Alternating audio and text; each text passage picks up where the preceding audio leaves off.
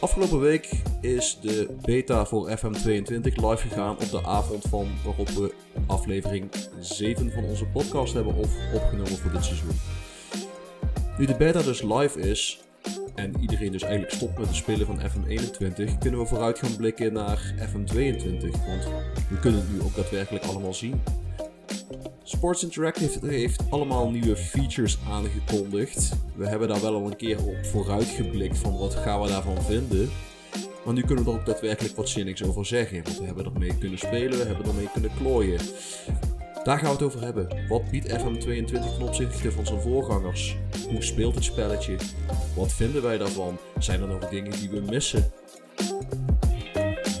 De Football Managers United podcast. Hallo lieve luisteraars en welkom bij alweer een nieuwe aflevering van de Football Managers United podcast.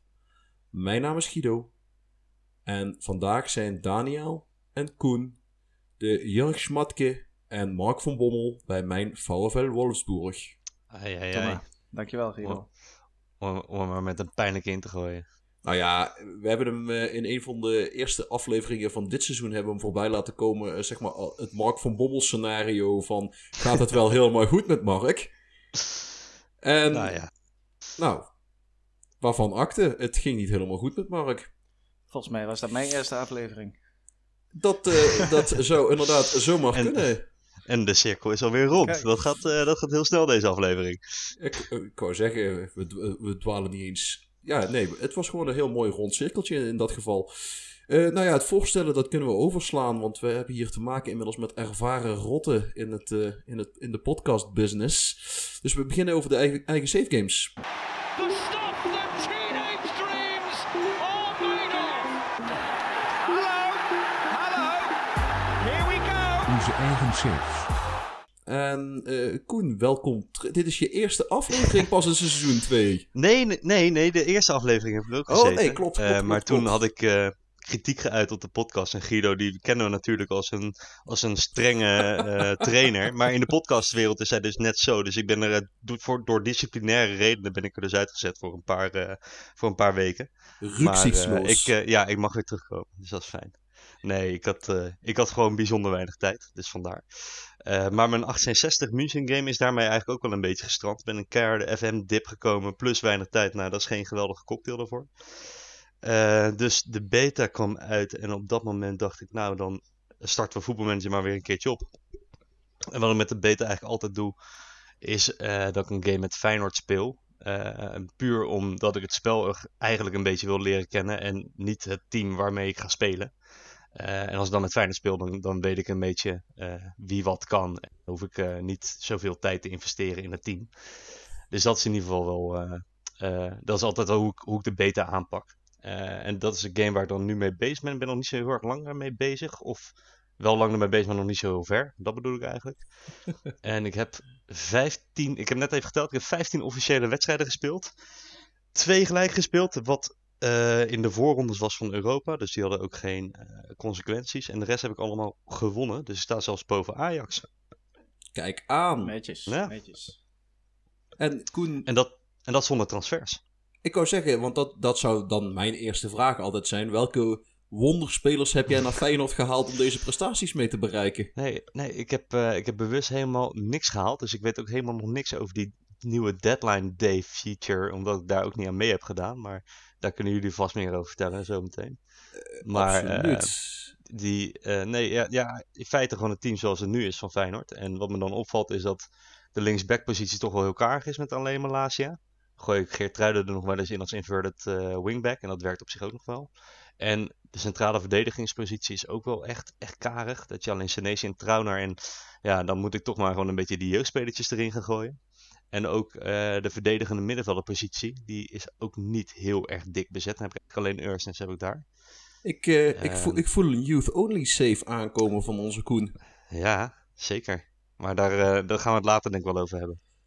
Ja, want we kunnen in de toekomst natuurlijk ook nog even vooruitblikken op met welke clubs zijn wij van plan te gaan spelen. Ehm, nou ja, ik, ik zal niet vragen of, of Koen nog machtige tactieken heeft ontwikkeld. Want denk dat hij daar misschien nog niet helemaal ver genoeg voor is. Nou, nou wat, wat wel grappig is, ehm, eh, Marcel, eh, Titan, eh, zoals hij op het forum heet, die hier vorige keer, of twee weken geleden, of twee afleveringen geleden, weet ik niet zeker. Nou, Ja, in ieder geval, die de was hier Balk- ook het de gast. Balkan De aflevering. Balkan, ja, klopt. Dat is ook het gast. Die heeft een artikeltje geschreven met, ehm, over de, de nieuwe match engine en nieuwe pressing. En daarin had hij de zin geschreven, eh, de tijden van het makkelijk kiezen voor gegenpress is voorbij. Ja, nou, drie keer raden wat ik heb gedaan in het nieuwe voetbalmanager. Ik heb gewoon gelijk gegen- gegen- gegenpress natuurlijk aangesmeten. En eh, dat gaat tot nu toe gewoon als een tierenleer. Tuurlijk wel een beetje met wat, eh, met, wat tweaken hier en daar. Maar tot nu toe heb ik er nog niet heel veel moeite mee. Ja, ah, ik ga gewoon een beetje voor mijn beurt praten en zeggen: ik, ik, voor een deel herken ik wat je zegt.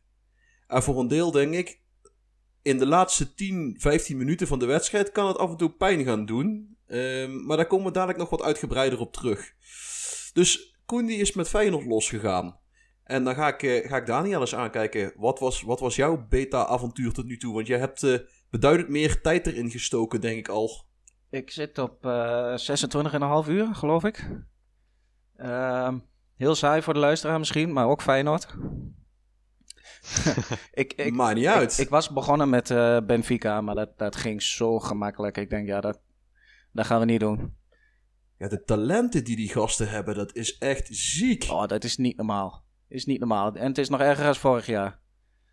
En dat- zelfs als je daar een speler verkoopt of zo, dat maakt niet uit, joh. Dan haal je gewoon een nieuwe uit de tweede. De- de- de- Nee, dat is echt, echt Koen. Als je nog nooit daar gekeken hebt. Porto en Benfica, dat is abnormaal. Ja, je, Dat is, je, elk jaar is dat natuurlijk wel een, eh, een, een geweldige bron van talenten. Daar, eh, je kan je scouts daar gewoon wegsturen, die heb je helemaal niet nodig, joh. Echt en ook niet. met de intake, hè? Ja. Ook met die, die, die, die, eh, eh, eh, het is een soort van, van, van lopende band van talenten. Het is Als je dacht dat Ajax erg was. gouden generatie na gouden generatie. Echt, er komt geen einde aan. is echt niet normaal. Maar goed, dat, dat ging dus veel te gemakkelijk. Eh, dus ben ik ook maar naar Feyenoord gegaan. Eh, ik herkende meteen wat Koen zei over de centrale verdediging. En ik wilde natuurlijk graag die nieuwe rol uitproberen. dus ik eh, ben begonnen met eh Omar Rekik huren van Arsenal. En eh Josip Stanisic van Bayern. En daarmee zijn we het eerste seizoen ingegaan. Ik ben gaan spelen in een 3-5-2 opstelling. Met Ik denk dat de, ja, sorry. Wat ik wilde zeggen, ik denk, ik denk dat de backs dat wel leuk gevonden hebben. Want dan, dan kunnen ze zich vooral richten op langs die, rij, langs die lijnen razen en wat minder op het verdedigende. Waar ze voor mijn gevoel wat minder sterk in zijn. ja, dat, is- ze, ze lenen zich wel heel erg voor de aanval. Ja, dat, eh, dat klopt wel. Maar verdedigend zijn ze op zich waardig. Op zich valt het nog mee. Ik, ik had eh, wat meer verwacht van de backs. Eh Malaysia kwam uit op eh 7 assists. En dan moet ik heel even terugkijken. Want dan gaan we naar uh, Geertruida. Kan ik zo 1, 2, 3 niet vinden. Maar die kwam ook op eh 7 of 8 geloof ik uit mijn hoofd.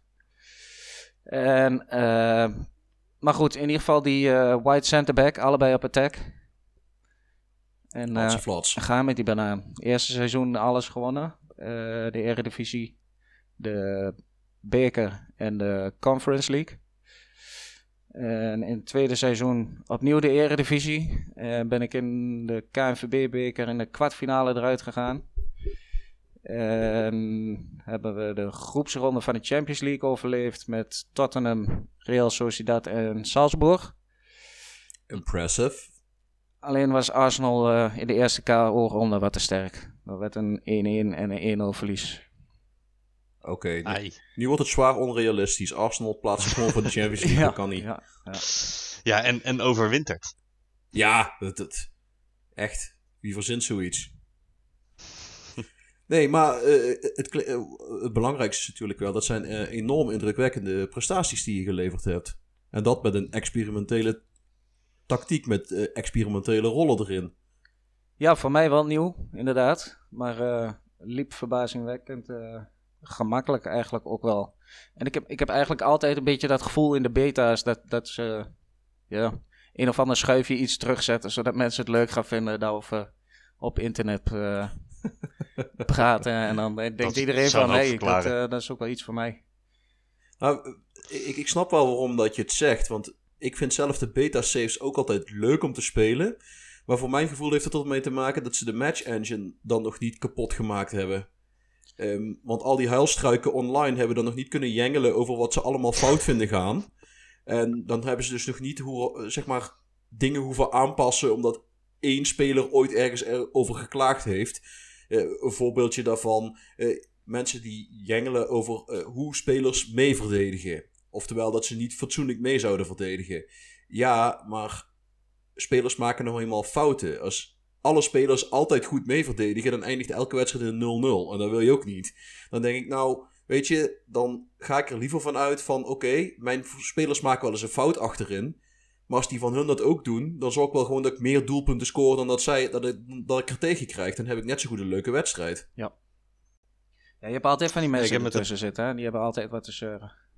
Vaak zijn het ook dezelfde. Ik, Vaak wel. ik heb altijd met de beta heb ik eh, eh, wel wat minder spelplezier, moet ik zeggen. En dat heeft puur mee te maken dat ik niet met een game start waarmee ik een lange termijn visie heb. Ja, dat heb ik ook. Dus uiteindelijk, eh, ja, het, het gaat gewoon uiteindelijk om die paar potjes om het spel een beetje in de vingers te krijgen, dit en dat.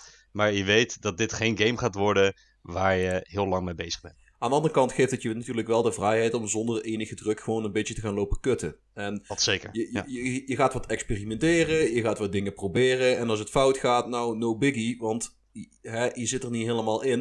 En dat gaat vaak wel... eh, ik, vind, ik vind het tempo zit er in een beta-save gewoon wat lekkerder in. Want je maakt je vaak niet zo druk om uitgebreid scouten. En zo van, nou weet je wat joh, eh, als, als ik iets leuks tegenkom, dan, dan doen we het wel. Anders gaan we gewoon lekker doorraggen. Want het, het belangrijkste is eigenlijk gewoon nou ja, dat ik lekker door kan blijven spelen. En inderdaad dat je een feeling krijgt voor hoe het spelletje in elkaar steekt. En kan ik iets met de match engine die ze dit jaar in elkaar geknutseld hebben. Ik zit trouwens even te kijken hè, bij Arsenal, maar die staan gewoon in de finale, joh. Ja, dan, eh, ik, zou dat, e- ik zou dat wel ergens een bug gaan, eh, gaan registreren. Ja, die moeten we rapporteren. rapporteren. Ja, juist. Dit, eh, Dan zullen we, zullen, we, zullen we volgende week in de rectificaties wel een boze Karel krijgen die zegt... Hoezo is dat onrealistisch dat Arsenal in de finale van de Champions League staat? Maar het is even zo. Sorry Karel. Ehm, vergeef het ons. Of niet. Ehm, ja, de- de- mijn eigen beta experience is... Nou ja, ik ben begonnen met eigenlijk dezelfde insteek als die jullie net beschreven. Eh, ik ga voor een ploeg die ik ken. Dus ik ben in dit geval voor, met Fortuna eh, van start gegaan. En het idee daarachter was, nou ja, ik weet enigszins wat de ploeg kan. Ze hebben toch geen geld, dus wat boeit het? Dan hoef ik ook niet te gaan scouten naar spelers, want van welk geld zou ik ze überhaupt moeten gaan halen? En het idee was inderdaad, Fortuna heeft eigenlijk al geen enkele fatsoenlijke spits, want Sambu telt niet mee. Dus ja, dan zeg maar de selectie is... eh Strikerless is ze min of meer op het lijf geschreven. Dus ik zit ook niet met jengelende spelers die halverwege de competitie zeggen dat ze meer willen spelen. Want ja, dat, dat moet allemaal eigenlijk wel lukken. Anders dan, eh, of niet anders, eh, wat jullie eigenlijk ook al zeiden. Ik herken wel dat het tot nu toe heel erg lekker wegspeelt. Ehm, met afstand denk ik een van de meest eh, fluïde versies van voetbalmanagers die we gehad hebben. In de zin van, ik heb niet het idee dat het spel ergens hapert. Ik heb ook niet het idee dat die in de, in de wedstrijden hapert. Of dat er dingen gebeuren waarvan ik zeg, nou dat kan echt niet. Dit gaat echt te ver. Heb je de spelerstatistiek al eens bekeken in je competitie? Ik heb eh, links en rechts wel gezien dat daar dingen niet helemaal lekker geregistreerd worden. Moet je voor de gein eens een keer op klikken. Dus eh, ik, ik ben, ben Ja, ook heel... Ja, ik heb nog niet gescout, dus ik ben ook nog niet echt naar de statistieken gaan kijken. Ik ben echt puur op de, op de engine gaan zitten. En in de engine waren er één of twee dingen waarvan ik zei... "Mm," maar niet heel ernstig. Want ik kan wel zeggen, ja, af en toe loopt de speler van mij onder een hoge bal door. Ja, maar het is een verdediger van Fortuna. En als hij zeg maar per wedstrijd 10 of 15 van die hoge ballen eruit haalt en dan mist hij er één... Nou ja, dat gebeurt gewoon. En tenzij je te maken hebt met absolute topverdedigers, timen ze wel eens verkeerd of worden ze wel eens afgetroefd door een aanvaller die wat er snel tussen zit. Dan denk ik, nou ja, dat is geen bug, dat is gewoon realistisch. Ehm e- enige waar ik tegen je aanliep, en, eh, de inworpen zijn weer kapot. Dat, dat is de makkelijkste manier Ja, om het te je weer zeggen. katapulten? Nee, niet katapulten, maar ik heb een speler met eh, bijvoorbeeld 6 voor long throws en die katapulteert die bal gewoon de 16 in. Wel niet met een zeg maar abnormaal hoge baan waar die in de stratosfeer van de aarde geschoten wordt, maar gewoon een, een vrij normale vlucht. Maar dat is iets wat je normaal zou verwachten met een speler van 15, 16, 17 voor long throws, dat hij de bal ter hoogte van de penalty stip kan krijgen. Niet van iemand met 6. Dat was op Björn Vlemings die dat zo ver kon altijd. Eh, die hebben we ook gehad. En ik, ik heb zelf in gedachten Rory the Lab van Ja. eh, Stoke City. Die, eh, Ah, ja. dat was echt een kanon. Die kon, die kon die bal echt bij de tweede paal neerleggen, bij wijze van spreken. Maar ja, nu heb ik een speler die heeft zes voor long throws. En die krijgt de bal gewoon ter hoogte van de penalty stip neer, terecht. Nou ja, dat, dat, dat hoort niet. Kijk, en dat, als die bal ter hoogte van de penalty stip komt. Dan, en je hebt daar een paar sterke spelers staan. Dan ga je daar doelpunten uitscoren. Dus in de zin van, is het iets wat onrealistisch is? Niet in de zin van ho- hoe de doelpunten vallen. Maar wel in de zin van een speler met die statistieken zou de bal niet tot daar moeten kunnen krijgen. Nee, nee. Die, die zou eigenlijk gewoon, nou ja, misschien de rand van de 16 moeten kunnen halen. En dan is het ook wel gewoon klaar.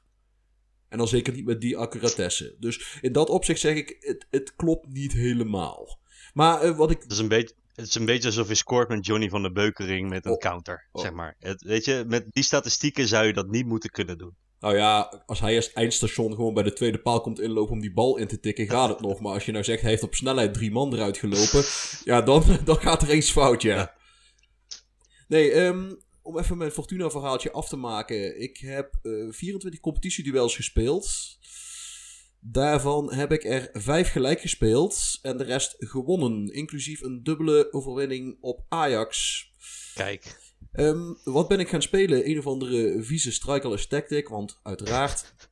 Eh, net zoals Daan voor mij had ik zoiets van nieuwe rol, dan moeten we die ook gaan gebruiken. Proberen. Want, wa- want waarom? A, je wil weten wat hij doet. En het tweede is, omdat hij nieuw is, is de kans dat daar iets niet helemaal goed is gegaan met het implementeren vrij groot. Dus is de kans vrij groot dat hij overpowered is. Want dat is wat SI doet met alle nieuwe rollen die ze toevoegen. In het beginsel zijn ze overpowered. En dat was ook hier. Ehm, ik heb ze niet op aanvallend gezet. Dat, dat ging me net iets te ver. Want opnieuw, het zijn wel verdedigers van Fortuna. Ehm, ik heb eh, de white centerbacks op. Ik, oh, dit is trouwens wel leuk. Ik heb voor het eerst in al die jaren een tactiek gemaakt met geen enkele defensieve rol erin. Voor veldspelers. Iedereen minstens op support. oké, En ik heb naast die, naast die twee eh, white centerbacks. En da- daarvoor moet je dus met een driemans achterhoede spelen. Heb ik er een eh, libero tussenin gezet. Die doorstoot naar het middenveld. Dus ik heb eigenlijk drie verdedigers die allemaal van plan zijn om naar voren toe te lopen. Om dat te compenseren heb ik twee verdedigende middenvelders ingesteld die eh, wat statischer zijn.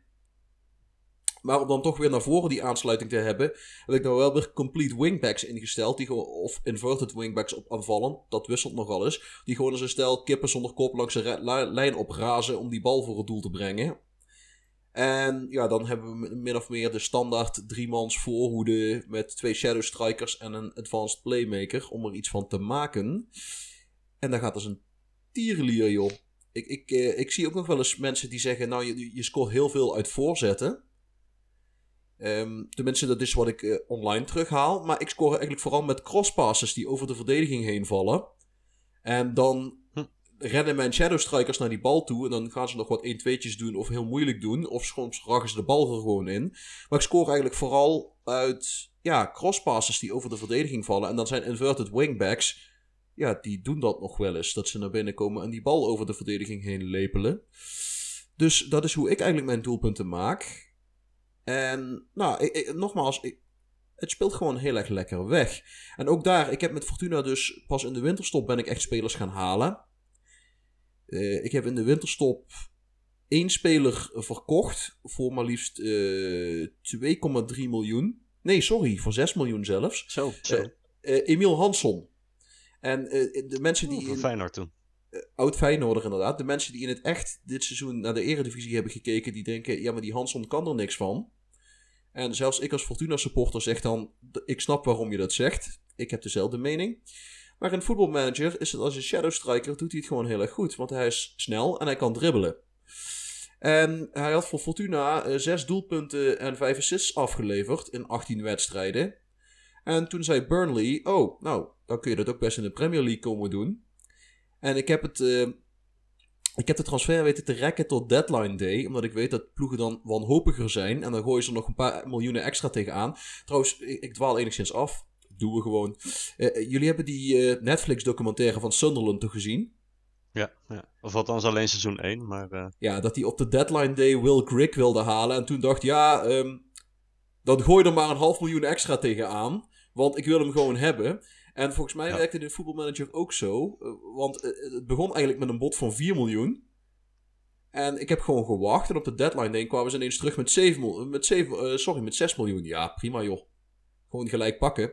Ehm, en die investering heeft mij in staat gesteld om vervolgens wat, eh, wat spelertjes erbij te halen. Ik heb toen ja, vooral free agents weten vast te leggen. Ehm, maar een paar spelers eh, waarvan ik denk, nou, daar kunnen we echt wat mee voor de toekomst vastgelegd. Eh, waaronder een speler van AZ. Thomas Ouwejan komt volgend jaar erbij. Oké. En dat is echt gewoon een hele lekkere back. Waarvan ik oprecht niet snap dat ze die verhuurd hebben. Die is iets minder dan, dan Owen Wijndal. Maar gewoon een type speler waar je gewoon bij je selectie wil hebben. En eh, voor, speler, voor, voor mensen die graag in de Jupiler League scouten. eh Wassim Assanusi van VVV is ook een, eh, een aanradertje om erbij te halen. Oh, en ik kwam een hele rare, nou ja, noem het bug tegen. Ehm, ik had een speler verkocht aan Antwerp, Adnan Ugur. En ook op deadline day. En nadat de transfer rond was, moest ik een nieuwsbericht beantwoorden waarom dat hij ervoor gekozen had om bij Fortuna te blijven. Ik heb gewoon net op Ah, de, de transfer bevestigen geklikt en toen kreeg ik een bericht van ja, geven ze antwoord op klinkt wel als een typische beta-bug, dat wel. Ja, klopt. Dus ja, dat... Ik weet, het, was, het was ooit een vervelendere bug in Football Manager. Echt een van die allereerst, misschien zelfs nog in eh, Championship Manager. Die, die ik me nog heel goed kan herinneren. Namelijk als je dan won- met penalties in een eh knockout fase. Dat de winst toch naar de andere partij ging. Oeh. Eh, kijk, dat zijn vervelende bugs. Die moet je niet ja, in, in dat opzicht hebben ze in de afgelopen jaren hebben ze vaker van dat soort rare dingetjes gehad. Zoals er eentje erbij, als je... Als jouw spelers allemaal, bijna allemaal op Interland waren en je speelde een friendly tegen je eigen reserveteams, dan kreeg je van die supergoeie grijze spelers om de selectie rond te maken en die kon je dan ook een contract aanbieden. Alleen Italië was dus- dat toch, of niet? Eh, eh, klopt inderdaad. en dan kon je in recordtempo kon je gewoon je selectie aanvullen met een lading wonderkits van heb ik jou daar. Oh, wow. Ik, ik durf niet eens meer te zeggen welke versie van het spel dat het was, maar dat, dat, dat was er inderdaad zo eentje.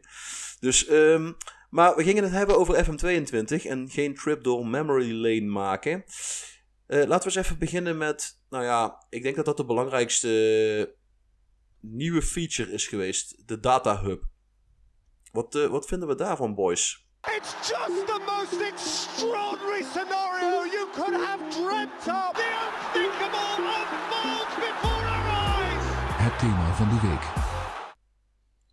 Ja, ik moet zeggen, eh, het- ik denk inderdaad dat het het belangrijkste is van eh, wat, eh wat, wat voetbalmanager nu heeft aangedragen. En ik, ik, ja, het- ik vind het er leuk uitzien. Het, het geeft een goed overzicht. Ik denk dat er wel wat dingetjes eh, misschien even net iets helderder kunnen. Of dat ze een beetje te kort door de bocht zijn. Of dat je met snel de verkeerde interpretatie eraan hangt. Maar ik moet zeggen dat ik nu wel meer intrigued ben om wat meer data te gaan gebruiken voor eh voetbalmanager. Yes. Ja, inderdaad. Want- Het, het nodigt wel uit.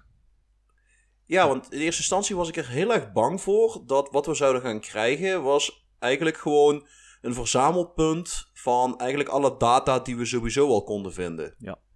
Eh, oftewel, eh, ze hebben gewoon iets gepakt wat er sowieso in het spel zit. En nou ja, dan hebben ze dat maar gewoon op een hoop geflikkerd. En dat, dan is het zo. Maar ik zie echt nieuwe dingen erin zitten die we eh, niet eerder hadden nou ja, die, die niet eerder in het spel eh, zichtbaar waren. Ik wil niet zeggen dat ze er niet eerder in gezeten hebben, maar ze zijn in ieder geval niet zichtbaar. Dus in dat opzicht vind ik het, en ik vind met name het feit dat je zelf kunt kiezen welk grafiekje dat je in beeld krijgt, vind ik een leuke toegevoegde waarde. Of je eh, balkjes wil, of dat je juist een scatterplot wil, ik, ik vind het wel wat, eh, wat toevoegen in dat opzicht. Ja, zeker. En Ja. ik vind ook vooral mooi dat je, je kan nu gewoon eh, alles opvragen. Die, die zoekfunctie. Ja, ja, ja, ja. Ook dat is een hele leuke. En iets wat ik zelf heel tof vind en wat ik voor mezelf vaak bijhield, was bijvoorbeeld eh, hoe presteerde mijn team niet qua punten, maar als ik de XG's over de hele wedstrijden met elkaar vergeleek, op welke positie zou ik dan moeten staan? En daar is nou gewoon een, tabelletje voor wat je kunt opvragen van hoe doet mijn team het? eh, eh, de, de XG table heet het in het Engels. En dan wordt gewoon de ranglijst niet berekend op basis van de uitslagen, maar op de XG die je per wedstrijd hebt, kunnen, eh, hebt weten te genereren. En dan wordt er ook gezegd, nou, hoeveel punten heb je meer gehaald ten opzichte van wat je Oh ja. had mogen verwachten en dergelijke. En ik, ik vind dat gewoon keigeinig, want soms zie je daar dan uitkomen van, nou, je presteert eigenlijk zoals verwacht zou mogen worden. Maar soms komt er ook uit van, ja, maar eigenlijk ben je dus helemaal niet zo goed. Eigenlijk had je veel minder punten moeten halen, maar heb je gewoon een beetje gezwijnd. En voor mij was het toen eh, met eh, Jaap Stam. Toen die, waar speel- zat hij nou bij Burton, was het volgens mij? In Engeland? Redding, toch? Nee, daarvoor. Ik Ik durf kan het niet Ja, nou ja, maakt niet uit. Maar voor mij had hij ook zo'n heel goed seizoen gedraaid. En als inderdaad naar X- XG zou gaan kijken, dan eh, was de, de conclusie van... Jullie hebben gewoon pisgeluk gehad. Die- jullie hadden niet daar mogen staan. Ja, klopt. Maar dan, ik zie inderdaad hier zo, dus eh, dat in de ranglijst... Ik, ik heb het nu voor het eerst geopend eigenlijk. Ja, ik ben ook En gelijk. eh, met je. daar sta ik eh, ehm, dat ik inderdaad wat meer. Even kijken, eh dan moet ik hem goed interpreteren. Eh mijn expected points, en dan staat er plus 4. Dus ik heb wat meer punten gehaald dan eh, verwacht. nou, ik zit zelfs op veel meer. Ik heb, Ik eh, plus 16, 9. Ja, maar ik, ik heb nog maar 7 wedstrijden gespeeld natuurlijk. ik heb er 16 meer gehaald dan wat eigenlijk verwacht zou mogen worden. Dus, eh, eh, eh, maar dat heb je heel vaak, hè? Want als het verschil niet zo heel groot is, ik noem maar eens wat 1.8 ten opzichte van 1.1, zegt het spel, oké, had het dus 1-1 moeten worden. En als jij dan toch bijvoorbeeld met 3-1 wint, ja, dan ga je dus al twee punten omhoog. Maar ja, ja, zeker. en dit is een discussie die heb ik al eens vaker gehad met, met- over die XG. Ehm, het getalletje aan zich, zonder context, zegt dus gewoon geen kut. Want XG, Nee. XG kan vertekenen, als jij geen enkele kans krijgt, maar wel een penalty krijgt. Nou, een penalty heeft volgens mij al een XG-waarde van 0,7 of 0,8. Dat geeft een enorm vertekend beeld.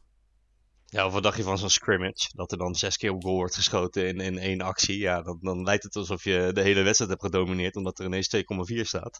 Terwijl het allemaal eigenlijk vanuit één actie komt. Da- daarom kijk ik inderdaad meestal wel naar het grafiekje. En als ik regelmatig grote balk, grote sprongetjes zie, weet ik van oké, ik heb ook wel echt grote kansen gecreëerd. Terwijl als het vaak hele kleine balkjes zijn en één of twee enorme, enorme sprongen erin, dan denk ik ja, maar zoveel heb ik dus niet gecreëerd. Het zijn vooral afstandsschoten en dat soort toestanden waar we... eh, Je bedoelt- je bedoelt Maar die vliegen er ook regelmatig in. Nee, maar als je, als je de wedstrijd zelf gekeken hebt, naar zo'n XG match story, Oh, die bedoel je. Oh, ja, ja, ja. ik En eh, ik, ik noem maar eens wat. Ik heb hier een wedstrijd tegen, tegen Utrecht staan. En dan eh, heb ik die wedstrijd gewonnen met een betere XG. Maar Utrecht heeft wel drie enorme kansen gehad. Ja. En ik heb, heb eigenlijk heel veel kleine kantjes bij elkaar gespeeld. Terwijl dan denk ik, ja, Ja. ik had dus eigenlijk gewoon ook kunnen verliezen. Want ik heb wel echt paar grote kansen weggegeven. En dat zegt mij dan meer dan eh, het getal aan zich. Maar de Data Hub, we zijn het dus eigenlijk erover eens dat het een, eh, een verbetering is. Al denk ik wel Ja. dat mensen. En je, je haalde het net al aan, Koen. Als je het niet fatsoenlijk gaat interpreteren, dan verzuip je denk ik in een, in een moeras aan, aan gegevens. Klopt. En ook dat vraag naar, weet je, er zijn zoveel opties en dan, dan moet je ook een beetje weten waar je naar wil zoeken. En dat is soms ook nog wel eens lastig. Eh, dus dat, daar heb ik dan nog wel een beetje moeite mee. Maar dat, ik denk dat het ook een beetje gewenning is en uiteindelijk dat je ermee leert werken. Eh, maar eh, bijvoorbeeld als je naar die, naar die overzichtjes kijkt van hoe jouw team het ten opzichte van de rest van de, in dit geval de eredivisie, doet. En ik kijk bijvoorbeeld naar verdedigen, dan schrik ik, omdat ik denk, oh, dat, eh, ziet, dat ziet er niet zo mooi uit, zeg maar. Dat eh, is, niet, is niet dat mijn paarse vlakje over dat hele grijze vlakje zit eh, van een gemiddelde. Maar sommige dingetjes moet je gewoon anders interpreteren. Ja, maar wat je eens moet doen is, er zit een, een, een scatterplot bij defensive efficiency. Ik denk, dat, Mhm. ik denk dat dat meer zegt. Want als ik naar team defending kijk, dan zou het, lijkt het lijkt alsof ik kei slecht ben. Ja. Want er staat, dan zit mijn paarse vlakje zit over het eh, zit boven het eredivisie gemiddelde. Maar dat kan niet, want ik sta bovenaan. Dus ik, ik, er staat dan dat ik eh, gemiddeld meer tegendoelpunten krijg per wedstrijd dan de rest van de eredivisie. Maar dat kan niet, want dan kun je nooit koploper zijn. dus eh, vol- Ja, volgens, mij klopt daar ook iets niet. Maar als ik dan Ja, hij is andersom. op- in de zin, sorry. de- de- Als, als die eh de Pasen vlakje eroverheen gaat, zeg maar, dan krijg je minder tegen dan de andere teams. Ja, maar eigenlijk zou dat dan, tenminste voor mijn gevoel, dus juist andersom moeten zijn. Want het is een absolute waarde. Ik noem maar eens wat. Gemiddeld krijg ik 0,67 doelpunt per wedstrijd tegen. En als het gemiddelde in- de eredivisie hoger ligt, dan zou toch dat grijze vlakje boven dat van mij uit moeten komen. Ja, nee, maar ze ze hebben het, het paarse vlakje hebben ze in positiever geformuleerd, volgens mij. Ik, Dus in de zin positief voor Ja, jou. ik denk dat het zoiets is, want het geeft nu een, het- Ja. het geeft nu een vertekend beeld. Ja, dus daar moet je inderdaad even goed naar kijken. Maar bijvoorbeeld het uitverdedigd per wedstrijd. Van ja, maar moet je dan zoveel uitverdedigd per wedstrijd? Ik heb dus super weinig vergeleken met het gemiddelde. Ja, precies. Terwijl, eh, Terwijl ik denk, ja, maar dat, dat zegt toch niet zoveel over mijn verdedigen? Als, het is toch juist goed als, ik, als het niet zoveel in die verdediging zit. precies. Maar eh, goed. Eh, daarom En, en daar, daar formuleert hij hem dan weer wel negatief. Dus daar kunnen de, ja, kan wat verwarring ontstaan, denk ik. Net als geblokt per wedstrijd. Hoeveel schoot hij blok per wedstrijd? Denk ik, ja, als, ze- als de tegenstander niet eens schiet, eh, dan, dan is dat eigenlijk veel beter. Eh XG Ja. tegen doet dat ook. Ja, ook dat, klopt. En daarom denk ik, eh, ik noem eens wat, die, die, die scatterplot met eh, defensive efficiency, die geeft wat, voor mijn gevoel, wat realistischer aan. ehm, ja, ei- ei- eigenlijk hoe het, eh, hoe het spel in elkaar zit voor, eh, voor jouw team. Want dan, dan word je inderdaad letterlijk vergeleken met alle andere teams in zo'n eh, ja, zo, zo'n zo'n vierkant waar je wordt ingedeeld.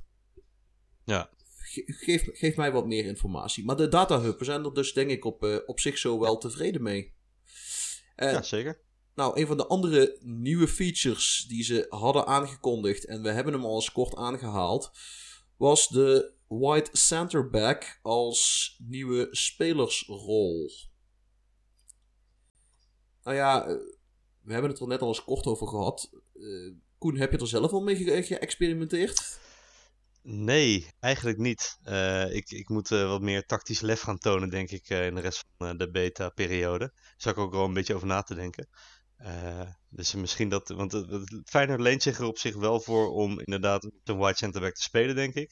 En eh, ik zat ook al een beetje aan strikerless te denken. En ik heb zelfs ook al eventjes geprobeerd strikerless, want Feyenoord leent zich daar al helemaal voor, want ze hebben geen spitsen. Althans niet echt een eh, geweldige. En eh, dat ging verschrikkelijk. Dus eh, toen heb ik halverwege de wedstrijd heb ik het weer teruggegooid. Toen heb ik die wedstrijd nog te nauwe nood gewonnen. Nou ja, het, het is ook niet voor iedereen weggelegd, dat maakt niet uit. maar Daan heeft Nou, er we- wel mee gespeeld, toch? Met, De white eh, centerback. Ja, ja zeker. Tweede seizoen, zelfs het hele seizoen. Ik heb in het eerste seizoen nog even mijn tactiekje van eh, vorig jaar uitgeprobeerd. Doet het ook nog uitstekend. Maar eh, ja, ik, ik vind het wel een eh, leuke toevoeging. Ehm, ik krijg ook redelijk wat assists. Net wat, net, net wat jij zegt, die crosspasses, die komen bij mij van eh white centerback. En ik, ja, het, het zorgt voor een hele mooie veldbezetting, vind ik. Eh, daar ben ik het met e- mee eens, mits je inderdaad dus je, je restverdediging wel in orde hebt. Want ja, je kunt, je kunt niet van die ene centrumverdediger verwachten dat hij in zijn eentje de, eh, het fort bewaakt, als het ware. Eh, dus er zal wel iets in het verdedigend middenveld moeten staan wat eh, enigszins ondersteuning biedt, want anders gaat het pijn doen. Ja, ik heb ce- En- centraal op het middenveld een eh deep lying playmaker. Ja, nou, dat, dat zou prima werken. Dat Ja. zou inderdaad prima kunnen werken. Ehm, dus ik herken wel wat je zegt. Want als ik kijk naar wie bij mij de assists leveren. Nou ja, bij mij zijn het dan de wingbacks Cox en Duarte die, eh, die hoog staan. Maar de, het leuke is, omdat die wingbacks zo hoog staan, zie je wel af en toe dat de centrumverdedigers als een soort eh, mee doorschuiven om zich aan de zijkant dan aan te bieden als afspeeloptie op het moment dat die backs er niet meer uitkomen. Waardoor je toch altijd een soort van dubbele bezetting op die flank houdt. Zelfs als je maar met één officiële eh, wijde speler opgesteld staat. Ja. En ja, het enige wat me een beetje steekt aan de rol, en dat heeft niks met de, met de rol aan zich te maken, is er is in, in nou ja, het moderne voetbal eigenlijk maar één ploeg die ik me zo voor de geest kan halen die daadwerkelijk met white centerback speelde. En dat was eh, Sheffield. ja, Sheffield onder Chris Wilder. En op basis van die ene ploeg, omdat hij dan weer in Engeland speelde, hebben we die rol erbij gekregen. Maar eh, ik heb het, het is hetzelfde probleem wat ik had met de Raumdeuter. ik wou er net over beginnen. een beetje het ruimdeuter eh, verhaal. Ja, kom op joh. Er is één speler die dat is. En op basis van die ene speler, omdat het toevallig een hele goeie is. Ja, Want eh, ja, dan kan je net zo goed zeggen, ik wilde Dennis Rommerdaal erin. Het snelheidswonder. Iemand die gewoon heel hard langs de lijn rent en die bal het zijn net intrapt. Daar voel ik wel wat voor. Dat, eh, snel, de snelheid, dat, dat, toen had je me. Ja, dat dacht ik al. Nee, eh, voor de rest prima joh. Eh, ik, vind een, ik denk dat het wel iets, iets nieuws biedt. En het betekent ook dat we, verwacht ik, in deze versie van Football Manager veel meer mensen gaan zien die met een driemans achterhoede gaan spelen. Of een vijfmans achterhoede gaan spelen. Maar in ieder geval dat meer mensen van de 4-1-2-3 of 4-2-3-1 opstellingen af durven te stappen. En eens een keer wat nieuws gaan proberen. Ik denk ook dat dat juist de bedoeling is geweest. Ik bedoel, eh, we hebben nou, denk ik, vier jaar gehad of zo. Dat heel veel mensen 4-2-3-1 spelen. Gegenpress. Ook in, eh, in het echte Ja. voetbal natuurlijk. En we zien nou toch wel een schifting naar de 5-3-2, 3-5-2. Ook in het echte voetbal. Dus ik denk dat voetbalmanager daar ook in mee wil. En dat zo een beetje probeert te pushen. Ik, eh, ik vind het niet erg. Ik ben op zich wel fan van variatie in dat opzicht. Hebben jullie al een beetje geprobeerd om eh, verdedigend te spelen met, eh, met deze voetbalmanager? Want dat is een beetje het, het terugkomend dingetje voor mij. Dat dat elk jaar gewoon niet zo goed kan. Dat als je achterover gaat leunen, dat, eh, dat je uitnodigt tot Dat tegendoel. ging vorig jaar al best aardig, vond ik. Ja, aan de andere kant, als je een middelblok had, zeg maar ter hoogte van de middenlijn zoiets opvangen, dan ging het nog wel. Maar echt met de kont in de eigen 16 parkeren, zoals Atletico Madrid dat vaker deed, dat was in voetbalmanager vrij moeilijk te doen hoor. Ja, En nee, dat deze- klopt. Ja. In, in deze match engine zou ik het je trouwens helemaal afraden. Want eh, dan ga je heel narrow staan. Dus eh, zeg maar de backs op de punten van de 16. En dat nodigt dus uit tot veel voorzetten. En wat, Ja, wat werkt... ja, die gingen er wel in. Precies, en wat werkt nou enorm goed in deze match engine? Ja, voorzetten. Eh, Ja. Dus ja, als je het doet, je bent een dapperder manager dan, dan ik ben. ik, heb het, eh, ik heb het in de laatste 10 minuten een keer tegen, eh, volgens mij was het eh, Feyenoord gedaan. Ik stond 4-0 voor. Nou, in 10 minuten tijd raffelde Feyenoord nog drie goals erin. Als die wedstrijd nog iets langer geduurd had, dan hadden ze waarschijnlijk nog wel de 4-4 erin geraffeld. Want dat eh, narrow verdedigen, joh. Cyril Dessers leek gewoon enorm goed. Die scoorde twee keer en had een assist. Nou, niet zo insta... Onderschat speler. ja, vast. Bij mij heeft hij niks gepresteerd, dus dat zegt wel wat. Nou, bij mij schoot hij de een na de ander erin in, de, eh, in het begin. Dat ik dacht van, nou, misschien moet ik hem maar inlaten. Nou, Koen, het zegt genoeg dat in mijn save heeft Dessers vier doelpunten gemaakt, waarvan dus twee in die ene wedstrijd tegen mij. Dus eh, het, eh, Hij heeft er bij al vijf in liggen in een paar wedstrijden, dus dat gaat goed. ja, hier doet hij het beduidend minder goed, zullen we maar zeggen. Nee, ehm, narrow verdedigen, eh, geen geweldig idee. Eh, crossers werken enorm goed, dus dat is vragen om problemen. Eh, juist in dat opzicht denk ik wel dat de wide centerbacks ook interessant zijn, want je zit wel met die risk-reward afweging. Je kunt ze heel aanvallend instellen, dat ze super, super gaan meedoen in aanvallend opzicht. Maar ook daar zit je weer van, ja, wat laat je achter op het moment dat die, dat die jongens aan de wandel gaan? En ook, ja, ik, denk dat die, Ja. ik denk dat die overweging ook de moeite waard is om, om eens naar te gaan kijken. Eh, ik heb in dat opzicht daarom twee Segundo Volantes ervoor neergezet. Die weliswaar bij balbezit doorschuiven, maar in balverlies blijven ze vrij laag staan. Die Libro schuift dan weer door, dus dan staan ze eigenlijk met drie man op een lijn weer. En die wide centerbacks die stomen dan door naar voren toe, waar de backs sowieso al pleiten zijn. Het zorgt, het zorgt voor een heel Ja, interessante ik zat er wel te denken. Dat, ik zat inderdaad wel te denken als je met Fortuna Sittard met een wide centerback speelde. eh, Met, met een mindere ploeg vaak in, in bijna de meeste wedstrijden. Dat je dan niet inderdaad gigantische gaten in je verdediging eh, gaat, eh, eh, ja, gaat creëren. Maar daar zijn die twee Segundo's Verlantes dus voor. Ja, precies. Want ik, ik heb dus eigenlijk drie man achterin staan en dan vier spelers in het defensieve middenveld. Die weliswaar allemaal een aanvallende of supportrol hebben. Maar bij balverlies staat daar dus eigenlijk gewoon een blok van Ja. zeven man. En nou ja, probeer, probeer daar maar eens doorheen te voetballen. Eh, dat lukt wel hoor. Eh, zeg maar, de hele goede ploegen die doen ons ook wel gewoon pijn. Dus niet, het is niet zo dat we een ijzeren achterhoede hebben. Volgens mij sta ik, nou ja, ik had het gezegd, volgens mij eh, iets van 0,67 tegendoelpunt per wedstrijd. En opvallend genoeg, de meeste tegendoelpunten juist tegen de kleinere clubjes en Feyenoord. Ik weet niet wat je daar precies mee wil zeggen, maar... Nou, in dit geval, de meeste tegendoelpunten in één wedstrijd zijn van Feyenoord. Maar ook tegen clubs eh, als eh, Willem II, de Eagles en dergelijke heb ik vaak moeite met de nul te houden. Of als het me dan wel lukt om de nul te houden, om er dan zelf een doelpuntje in te prikken. Want de meeste gelijke spelen waren dus ook niet tegen de ploegen in de, in, in de kop van het klassement. Maar eh, een gelijk spel uit bij Willem II. En die staan 17e bij mij. Een gelijk spel uit bij Herenveen. Die staan 15e bij mij. En een gelijk spel thuis tegen RKC. En die staan 13e. Terwijl dat normaal gesproken wedstrijden zijn die je verwacht. Nou ja, waar je meer... Ja, maar die, die heb je altijd erbij zitten, inderdaad. Precies. Die, die, uit, die vervelende uitwedstrijden tegen, tegen die laagvliegers. Kijk, Vragen om moeilijkheden. En een gelijk spel tegen Utrecht, denk ik, nou ja, dat kan. En eh, volgens mij heb ik. Even kijken, wat was die vijfde? Oh, ehm, ik zie dat ik eh, uit bij Feyenoord in de Kuip 1-1 gespeeld heb. Nou ja, dat kan. Dat, dat mag. Dat is acceptabel. Gebeuren. Ja, soms hebben die wel eens een helder moment. Dan worden ze door het publiek naar voren geschreeuwd. Nee, onzin natuurlijk. Eh, maar dat over de white centerback. Laten we het ook even hebben, voordat we eh, zeg maar het grote verhaal, dat gaat dadelijk natuurlijk de match engine worden, wat we daarvan vinden. Maar la- laten, we ook, eh, laten we even de kleinere features erbij pakken. Ehm, Koen heeft hem nog niet gedaan, dus die, die kan dadelijk misschien vragen gaan stellen. Daan, de deadline day experience, een verbetering of niet? Ehm, eh, ja en nee, denk ik. Vertel. Ehm, ik heb een leuke speler opgepikt op eh, deadline day. Die, die kreeg ik in die eh, aanbiedingen van de zaakwaarnemers. Mhm. Dat zat er natuurlijk ook al in, maar volgens mij gebeurt er nou op deadline day extra veel. Dus daar heb ik wel wat leuks uit gehaald. Ehm, ik vind hem wel wat eentonig en eh, ja, bijna vervelend. Ja, ik denk als je, als je hem inderdaad een, keer of vier, vijf mee hebt gemaakt, dan denk je, oké, het zal wel. Dus in, in dat opzicht snap ik wel waar je naartoe wil. Maar ja, ik heb er nu twee gedaan. Eentje in het, nou ja, het afsluitende window van de eerste periode en eentje in januari.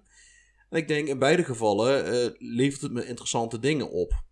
Ofwel, eh, ik krijg spelers aangeboden waarvan ik denk, nou die kan ik verder gaan scouten. Of ik kom achter spelers waarvan ik denk, hé, hey, daar waren mijn scouts nog niet mee gekomen. Misschien kan ik er wel wat mee zo. Dus ik denk dat het wel iets toevoegt in de zin van die aanbiedingen van, van, van agenten, van agents, die kreeg je natuurlijk in het verleden ook wel. Maar het is allemaal wat meer gecentraliseerd. Het zit allemaal op één, in één schermpje ondergebracht. In plaats van dat je vijf of zes keer moet klikken om er te komen. Dus in dat opzicht denk ik wel dat het een verbetering is. Ja. Ehm, ook het, het afgaan van de geruchten vind ik op zich nog wel eens geinig. Want Ja. je ziet dan ook eh, welke spelers andere clubs belangstelling hebben. En soms denk je, hé, hey, die vind ik ook wel leuk. En dan doe je voor de gein ook eens gewoon een bod om de prijs een beetje omhoog te jagen. Eh, Tenminste, ik doe dat. Ik Ja, zo, zo, zo heb ik er ook een opgepikt. Eh, er, er was een gerucht dat PSV een bot zou uitbrengen. En die ben ik gauw voor gegaan. Ah, terecht. En ik ben dan weer zo'n ander soort lulletje. Goed gewerkt. Zo'n ander soort lulletje die denkt, ah, zij gaan er een bod op doen. Dan doe ik dat gewoon ook met het idee om de prijs een beetje omhoog te jagen. Als zij dan ook een bod doen, trek ik dat van mij terug en dan hangen zij die hogere prijs vast. En dat doe je uitsluitend bij Le Havre, toch? Of niet? Eh, Dat heb ik bij Le Havre eh, in het verleden, heb ik die truc trouwens niet uitgehaald. Maar ehm, in dit geval deed ik het om te voorkomen dat Ajax de financiële slagkracht eh, zeg maar op de markt kon brengen. Die hadden interesse in een eh, Zuid-Amerikaanse wonderkid. En eh, voor de mensen die hem nog niet kennen, wil ik hem wel even benoemen. Want het is wel echt een, een, een spelertje die de moeite waard is. En een eh, potentieel standaard aankoopje in, eh, nou ja, Mhm. Is dat die Alvarez? Nee, eh, wacht. Ik, ik pak heel even snel zijn naam erbij. Eh, het is een. eh, moet ik heel even kijken. oh, durf ik even niet te zeggen of het een Argentijn of een Peruviaan was die ze gehaald hadden. Eh, even kijken. Nee, Facundo Torres. En dat is een Uruguayaan. En dat is een enorm, enorm, enorm middenveldtalent. Ze hebben hem eh, gehuurd met een optie tot koop van uh, Peñarol. En dit is echt een, uh, een potentiële standaard aankoop hoor. Echt, echt een enorm goede speler. Nu we het toch over aankopen hebben, ik, ook een verandering in deze voetbalmanager is dat die transferwaardes veranderd zijn. Nou heb ik nog geen spelers gekocht, dus de vraag aan jullie. Uh, ik zie nu bijvoorbeeld bij Facundo Torres zie ik staan tussen de 4 ton en 8,4 miljoen. Ik vind dat nogal een marge. Betekent dat dat je hem vaak ook binnen deze marge kan kopen? Ja.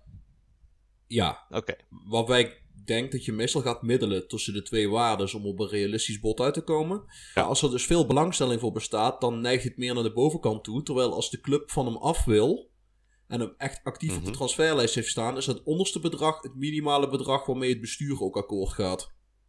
Oké. Okay. Voor mijn gevoel, hè. Dit is, uh, dit is geen harde wetenschap. Dit is meer een beetje waar ik zelf naar neig. Want die waardes veranderen ook. Ik wilde op een gegeven moment een speler verpatsen. Uh, Sami Baghdadi. Waarom? Omdat hij de spits is en ook nog een slechte. En die was eigenlijk iets van 3 ton waard. Nou, nadat ik hem op de transferlijst zette, ging die onderste waarde zakte ook met, geloof ik, bijna iets van 50.000k. Waarvan ik denk, ja, dat is op zich wel realistisch. Uh, je ziet dat de waarde wordt aangepast. En daardoor zegt het bestuur ook, ah, klaarblijkelijk heb jij deze speler niet nodig. En dus accepteren wij ook dat je minder geld voor hem vraagt. Ja. Uh, vind, ik, vind ik een leuke toevoeging. Ja, en die, die, die, die marge die wordt uh, kleiner naarmate je hem beter gescout hebt. Ook dat, ja. En uh, je kan ook die uh, zaakwaarnemer vragen. En dat kan ook, kan, Nee. kan ook helpen. Is, is mij nog niet gebeurd, maar ik heb het her en der zie- bij, bij andere mensen gezien. Mm, Klopt, dan kun je inderdaad volgens mij vragen of ze hem aan de man proberen te brengen. En dat wil ik nog wel eens positief uitpakken. Ik, ik heb sowieso het idee trouwens dat het makkelijker geworden is om spelers te verkopen. Ja, maar koop ook. Ja, beide dat- kanten op. Gelukkig ook, want het was Ja. af en toe zwaar frustrerend om te zien dat jouw spelers gruwelijk onderboden werden. En dan, dan moest je zelf eh, 10 10 miljoen betalen voor, een, eh, voor de bankzitter van het eh, tweede elftal van Feyenoord. Nou ja, Oh, en ik heb bij 866 toch een partij vaak achter het net gevist. Ook dat ik helemaal dacht, ja, die komt binnen, die, die is binnen. En dan, nee, ik ga toch naar eh, die club. Ik weet niet of dat eh, nog veel voorkomt nu, maar ja oh, dat was, eh, was wel een frustratiepuntje. Maar ja, dat blijft. Ja, dat, blijft. dat is ook voetbal. ik, ik ben in mijn January window ben ik twee Noorse talenten misgelopen. Eh, eentje die had het gore lef om nou voor Borussia Dortmund te kiezen. En die andere ging voor AC Milan. Echt van een lulletjes. Willen gewoon niet Ja, in het groen en geel. gewoon, ik kan zeggen, terwijl Fortuna Sittard gewoon al het geld in je gezicht wil smijten en dan ga je daarvan. Ik Ja, wilde Arezzo oppikken. Oeh, ook een leuke. Op zich eh, is die niet duur, maar eh, clubs als Bayern München en zo zitten nou ook achter hem aan. Ja, daar win je het niet van als Feyenoord zijn. Nee, nee, Nee. nee. Voor, voor jou Dus ik- trouwens een leuke Koen. eh, want dit is een speler die is in verband gebracht met Feyenoord heel lang. Eh, Joshua Kitolano. Wie? Dat is een... eh, ik ga hem eens eh nee, volgens, volgens mij heeft... eh, koekeloeren. jullie, jullie TD heeft toen gezegd dat, dat de transfer bijna rond was. En uiteindelijk ging het niet door. En die is... Nou, dat was die speler die ik ook wilde hebben. Die gaat dus nou naar Dortmund. Dus het is een speler die je volgens mij ook gratis kunt ophalen. Want dat is er eentje met een aflopend contract. Dus... dat is, is voor ons Nederlanders is dat sowieso een sleutelwoord. Gra- Ja. Gratis. Bosmannetje. Ja, precies. En die andere, dat was een. Die andere was een. eh, ook een, ook een Noor met een niet-Noorse naam. Osama Sarawi. En toch is het een Noor. Maar Geen tweede eh, nationaliteit toevallig? eh, ik ga ervan uit met zo'n naam van wel. Eh, ik, ik schat Marokkaans. En hey, dat klopt ook nog. En Kitolano zal wel gedeeltelijk Afrikaans zijn. Ook daar denk ik, ik, ik, ik, ik zoek het gewoon op. Doen we gewoon. Dat scheelt dat ik het spel ook aan heb staan op de achtergrond. Dus dat kan gewoon. Kitolano is eh, Congolees. Kijk. Maar het is net zoiets als in het verleden. ehm, ik weet niet eens wel welke versie van Championship Manager het was. Als het een Zweed was en het had geen Zweedse naam, Ja. dan moest je het gewoon kopen, want dan was het goed.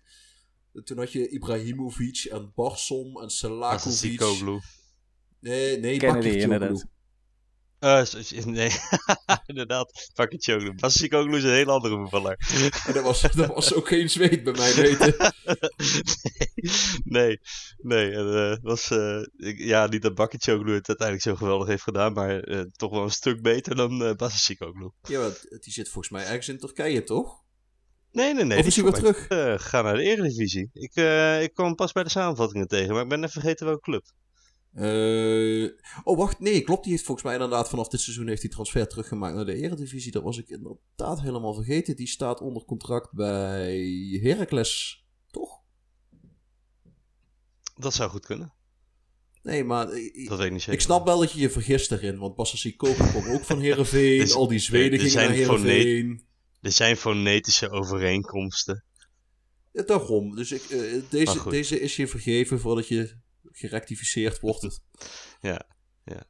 We waren hier al voor. Nee, ehm, dat dus denk ik over de deadline day. Het is, het is leuk, het is verbeterd, het is wat meer gecentraliseerd geworden. Maar ik kan me inderdaad wel voorstellen dat het op een gegeven moment gaat vervelen. En met name als je je selectie rond hebt, dan denk je ook, la, laat die hele deadline day verder maar zitten.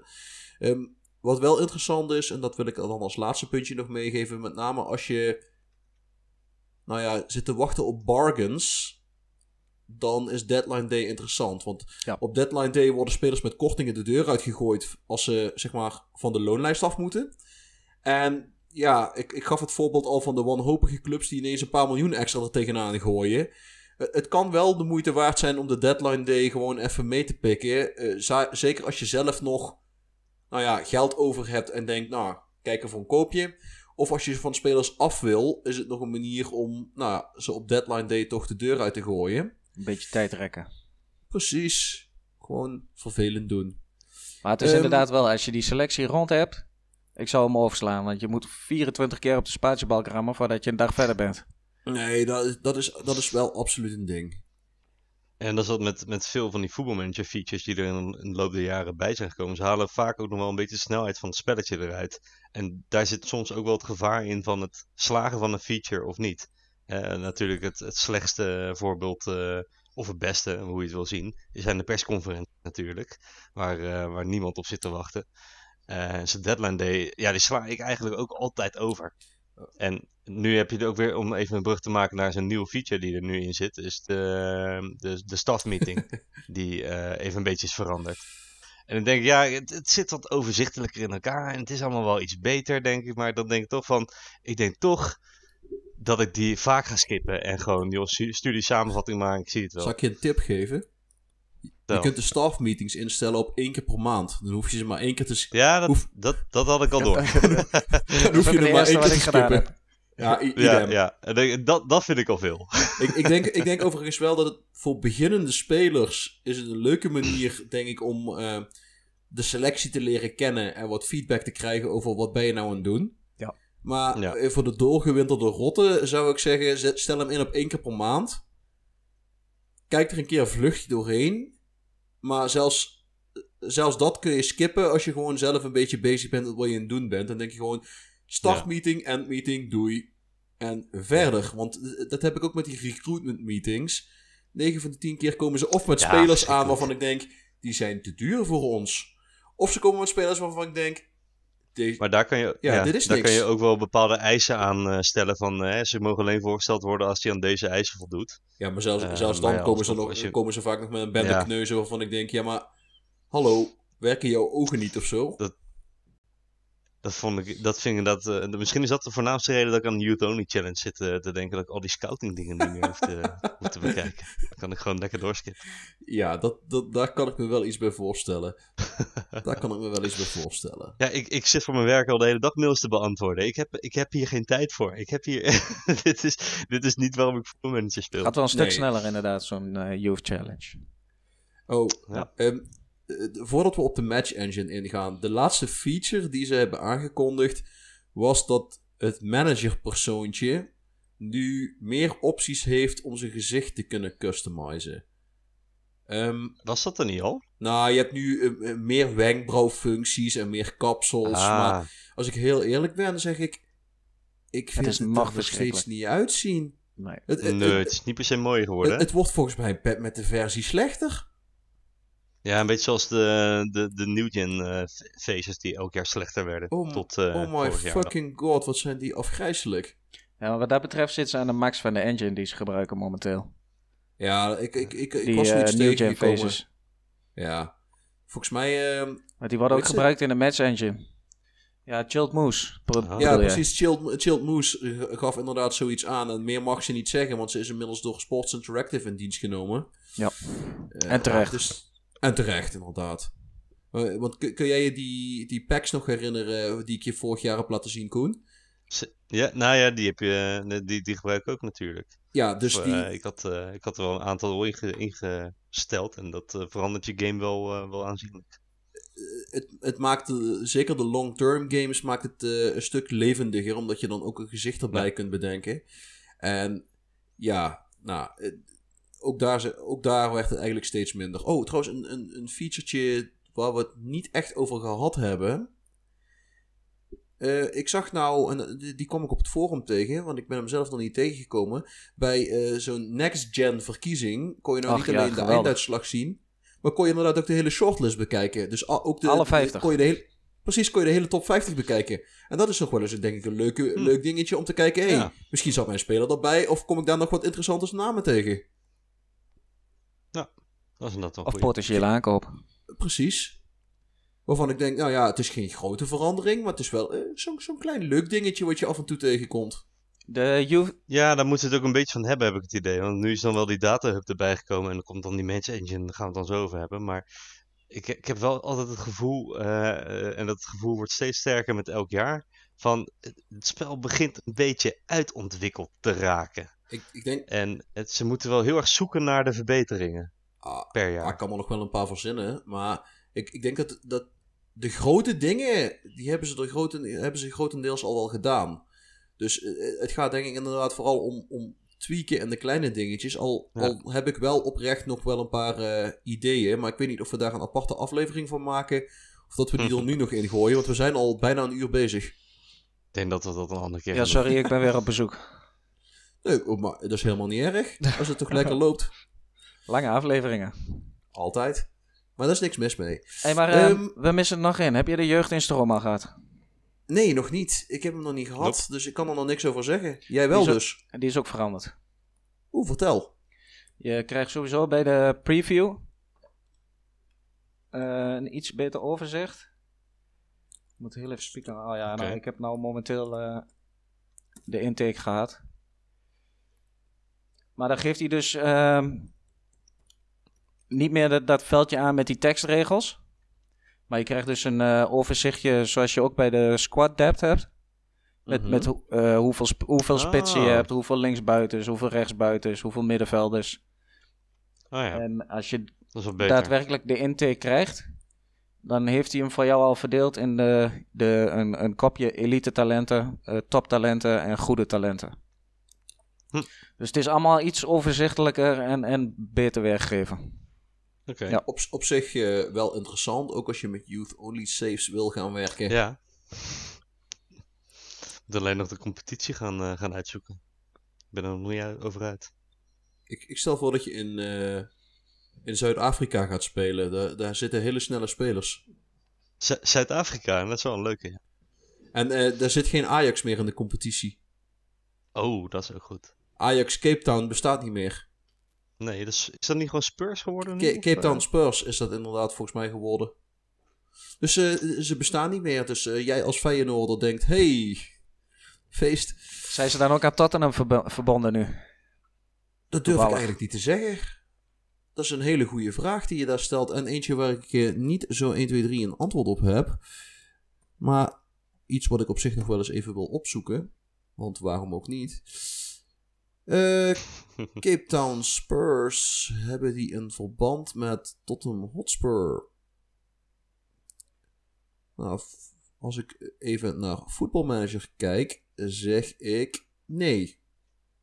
Maar dat, dat Nou, dan, eh, dan zeggen we voetbalmanager heeft gelijk. En eh, daar houden we het op. laat, Als mensen ons gaan rectificeren, zeggen we... Ja, sorry, maar voetbalmanager zegt het. ja, dan is het gelijk een bug die we live, live in de uitzending gevonden hebben. Het zit niet in Doe FM, maar. dus het is gewoon niet waar.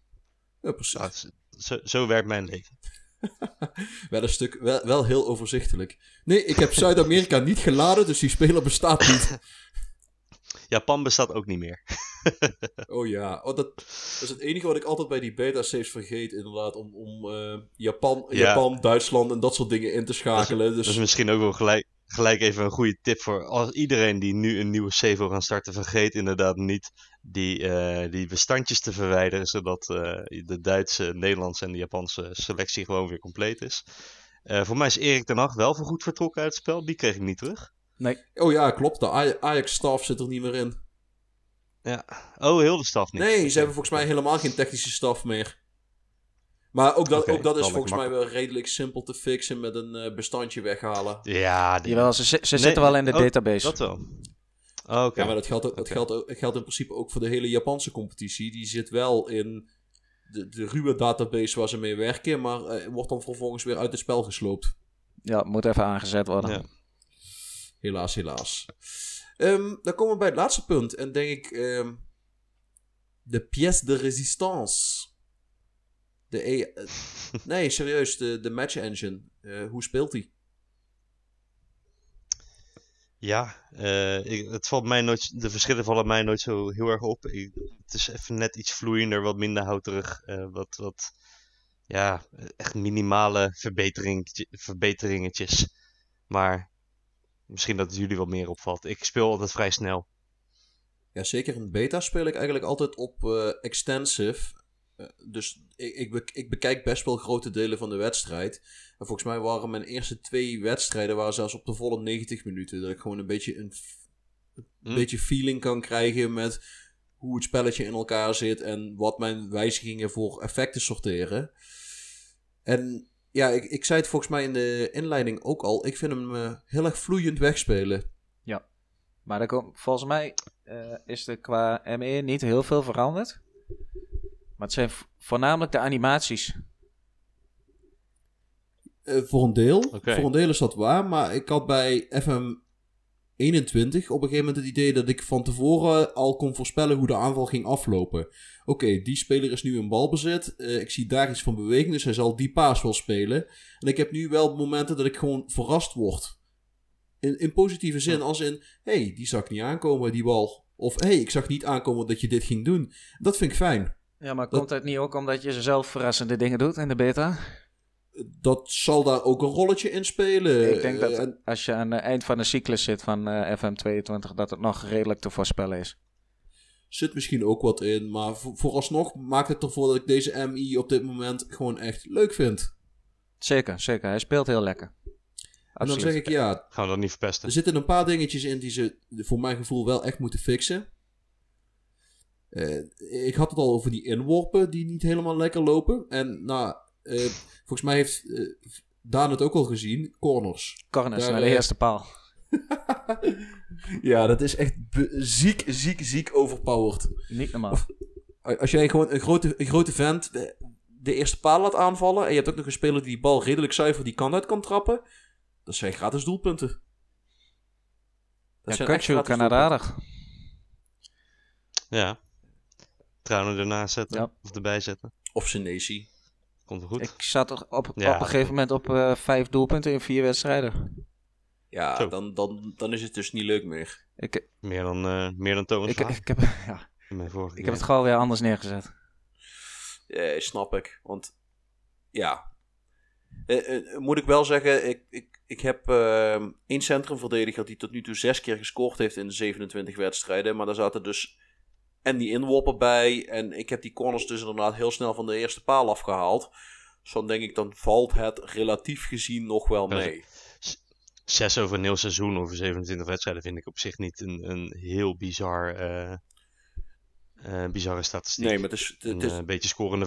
het is vrij hoog. Nou ja, zeg maar een Ron Vlaar of zo, die heeft er toen bij Feyenoord ook best wel wat in hebben in, ingekopt en geschoten. En een Vertongen bij, bij Ajax. Die staat toch ook best wel op, op Ja. flinke statistieken. Maar, maar voor, volgens mij mocht Vertongen ook op een gegeven moment voor de penalties aantreden. Dus dat, hel- dat helpt op zich ook wel. Ja, tuurlijk, tuurlijk. oké. Heb Nee, eh, ehm, Guido, met een, ja, met een Mezzala gespeeld? Nee, nog niet. Ik heb wel een tactiek met een Mazala klaarstaan. Boah, die gaan ook lekker zeg.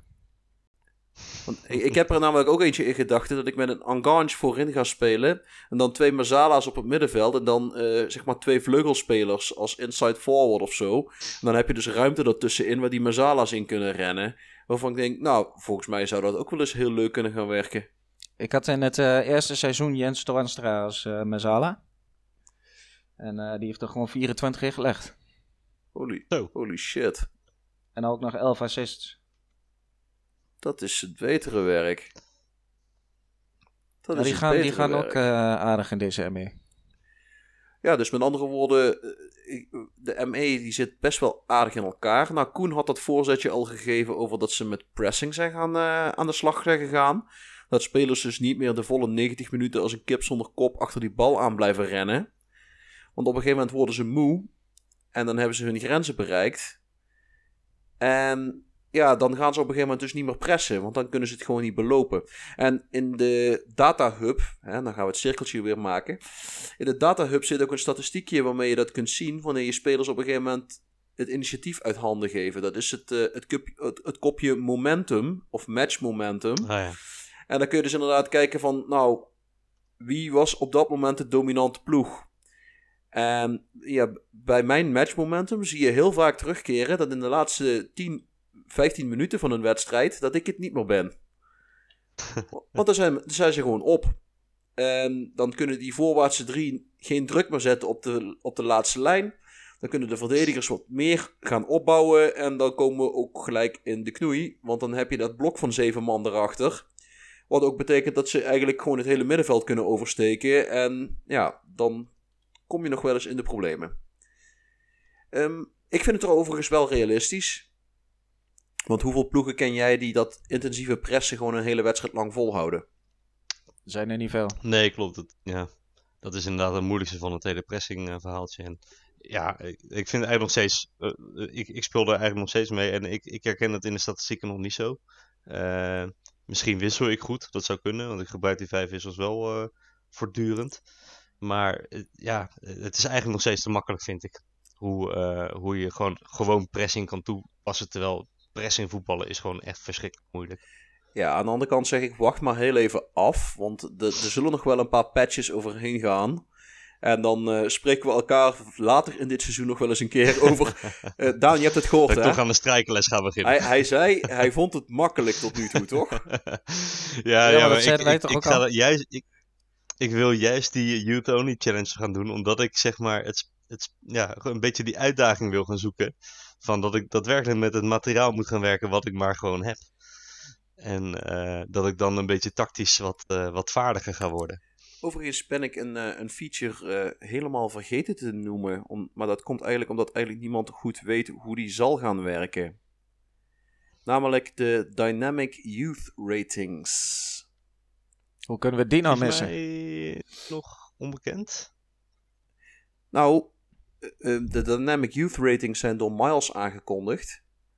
En wat dat eigenlijk betekent is, nou, de afgelopen, nou ja, zolang eigenlijk als dat de voetbalmanager en championship manager er bestaan, is de, de youth rating van een land is eh, constant geweest. Die kon niet veranderen. Oftewel, Brazilië zal altijd goede spelers produceren Ja, en ja. Venezuela zal altijd kutspelers produceren, relatief Ja. gezien. En dat staat ook vast. Maakt niet uit hoe goed je het doet. Als Venezuela zijnde, Oké. jouw spelers zullen nooit beter worden. Miles heeft nu gezegd, die, die rating zal di- dynamisch worden. Wat ook betekent voor met name de long-term saves dat je misschien de opkomst van nieuwe voetbalgrootmachten gaat meemaken. Dat is leuk. Alleen, niemand weet eigenlijk precies hoe het gaat werken, eh, hoe lang Nee. het gaat duren, waar je precies aan moet voldoen om die ratings omhoog te krijgen.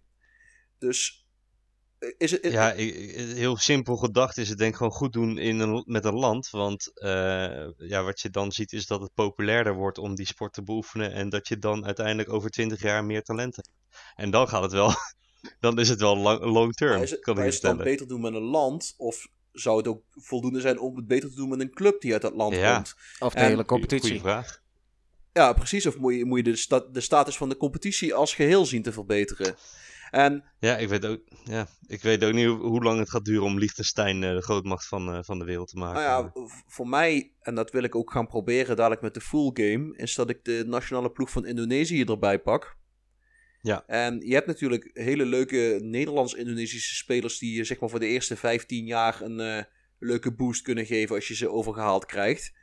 Uh, en daarnaast wil ik dus eens kijken van wat zijn alleen de prestaties van de nationale ploeg voldoende om ook die, die youth rating omhoog te krijgen. Nou, normaal gesproken speel ik wel nou, ergens tussen de 15 en de 25 seizoenen in FM. Dus ik ben benieuwd wat eruit gaat komen. En ik ga ook binnenkort mijn, uh, mijn bronnen bij Sports Interactive eens aanboren of ze daar niet wat meer informatie over willen geven. ben benieuwd. Maar het is wel een, een, een feature die met name voor de, de long-term players een interessante is. Want het maakt het spel denk ik minder voorspelbaar op de lange termijn. Ja, ja het, zou, het zou ook leuk zijn als er een beetje een randomness in zit. Niet te veel natuurlijk. Het is niet dat ineens uh, Kosovo de, de grootmacht van, uh, de, van, van Europa gaat worden. Maar wel dat, dat er uh, ja, al gebeurt dat ook al enigszins, maar dat, dat die toptalenten wel echt overal vandaan kunnen komen. Ja, dat je een paar verrassende namen er altijd bij hebt, maar dat is ja, eigenlijk altijd wel. Soms kom je ineens een hele goede Nieuw-Zeelander of zoiets tegen. Ja. Uh, van die once-in-a-lifetime talenten. Ik hoop dat het een beetje uh, verbreekt. Dat je voorheen kon je gewoon een, een standaard lijstje clubs afwerken en in de onder 18 gaan kijken. En dan haalde je de beste talenten wel naar je toe. Ik, ik hoop dat dat een beetje eruit gaat. Dat je eigenlijk niet meer weet. Dus dat je echt de scouting moet gaan gebruiken om, om die goede new gens te gaan vinden. In plaats van dat je die clubs ja, afwerkt. Aan de andere kant is het ook niet. Het is wel realistisch dat we een paar van die clubs op ons lijstje hebben staan. Want dat zijn wel de clubs die, die heel zo'n land leegkapen. Met, met waar de beste uh, jeugdspelletjes lopen. Dus als je dan een stapje verder wilt doen als voetbalmanager zijn. En je wilt dat uh, dat, dat jeugdscouting een boost geven, dan zou je misschien ook nog naar new gens moeten kijken die nog jonger zijn. Of ja, nou, misschien gaan we dan al een beetje naar de mensenhandel toe. Dat uh, is misschien ook niet helemaal de bedoeling. Maar op zich, het is wel realistisch. Ja, maar in die zin. je loopt dan volgens mij tegen een beperking op een gegeven moment aan dat uh, volgens mij stoppen ze geen spelers van jonger dan. dat... Nee, maar new gens kan natuurlijk wel. Ja, klopt, maar zelfs die kom je eigenlijk zelden jonger dan 15 jaar tegen. Ja, Volgens mij heeft het wel eens eerder, maar ik weet niet of dat uh, nog steeds zo is. Heel af en toe inderdaad, maar meestal is het 15, 16, omdat ze vaak dan uit een bepaald geboortejaar gespond worden. En dan, ja, zit je met een bepaalde leeftijd. En inderdaad, voor echte spelers geldt volgens mij dat ze onder een 16e er niet in mogen. Ja, nee, dat klopt. Nee, ik denk dat we daarmee, uh, dat, dat we daarbij alle nieuwe, echte nieuwe features wel zo'n beetje gehad hebben. Dat we de krenten een beetje uit de pap gehaald hebben. En dan gaan we naar de club en de speler van de week toe. En dan uh, geef ik even een voorzetje richting Koen. Want Koen, die, weer, die, Koen die had een goed idee. Brilliant! Just brilliant! He gave that the works. Oh, what about that? What about that? De club van de week. Nou ja, we hebben natuurlijk over de beta gehad. Dus ik zou zeggen voor uh, Club van de Week ga ik een, een, een beta-save aanraden. En wat ik net al zei, ik kies altijd Feyenoord. Waarom? Dan ben je een beetje bekend en uh, je bent er niet voor de lange termijn. En voornamelijk voor, niet op de lange termijn. Daarvoor ga ik de volgende club aanraden.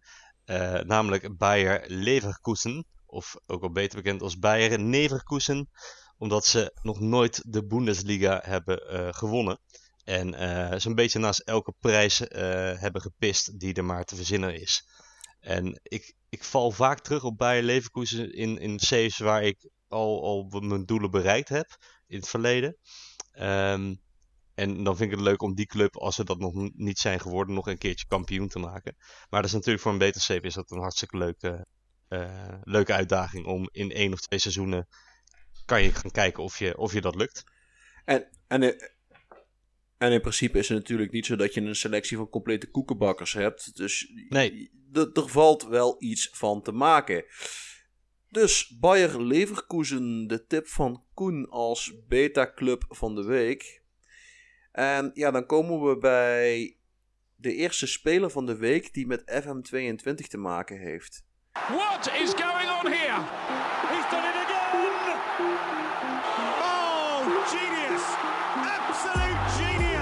De speler van de week.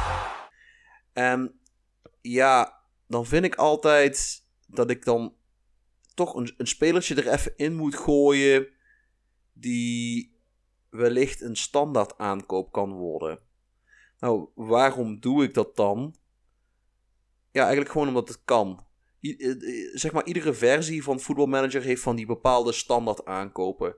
Vroeger had je de Mika Aritalo's of de Nicolas Milans. Dat waren van die standaard spelertjes of een Freddy Adu in een heel grijs verleden. Dat waren van die standaard aankopen, die kocht gewoon iedereen. Waarom? Ze waren jong, ze waren talentvol, ze waren vaak ook goedkoop en bereid om naar de krochten van het Europese voetbal af te dalen. En ik, ik vind dan ook dat ik, ja, ook nu van dit soort, eh zo'n zo, zo standaard, zo'n standaard naampje erin moet gooien. En z- ik zal je de link dadelijk ook even doorzetten. Want de, de eerste naam die ik heb, dat is ja, een, een speler die voor mijn gevoel alles in zich heeft om ook een, eh, een toekomstige standaard aankoop voor deze versie van Football Manager te worden. En het is een Zuid-Amerikaan. Want waarom? Zuid-Amerikanen doen het altijd goed als het gaat om standaard aankopen. Op zich. Dat dacht ik. Ehm, het is ook geen Braziliaan of Argentijn. Waarvan ik denk dat is te makkelijk. Nee, het is een, eh, een Paraguayaan. En Kijk eens. zijn naam is Julio Enciso. En Julio Enciso is pas 17 jaar oud. Is actief voor Libertad, wat een van de topclubs van Paraguay is, heb ik mij laten vertellen door mensen die er verstand van hebben. Maar Julio Enciso is een linksbuiten in de stijl waarvan ik zeg, Koen gaat, Koen gaat daar vrolijk van worden.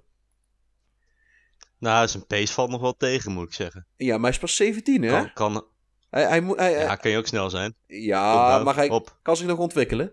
Maar het is een speler die ehm, een, een eh, redelijke versnelling in huis heeft. Die lenig is. Die niet langzaam is. En die lekker kan dribbelen. Dus, en hij heeft als, eh, als player trait, als preferred move, heeft hij tries, tricks. Dus het is een, eh, een kleine dribbelkont. En ik zie dat hij eh, al twee interlands op zijn naam heeft staan. Of is dat, eh, is dat in jouw game? Nee, want de- deze, dit screenshot is gemaakt op de startdag van het seizoen. Aha. Ik, eh, ik dwaal enigszins af, want dat doe ik soms.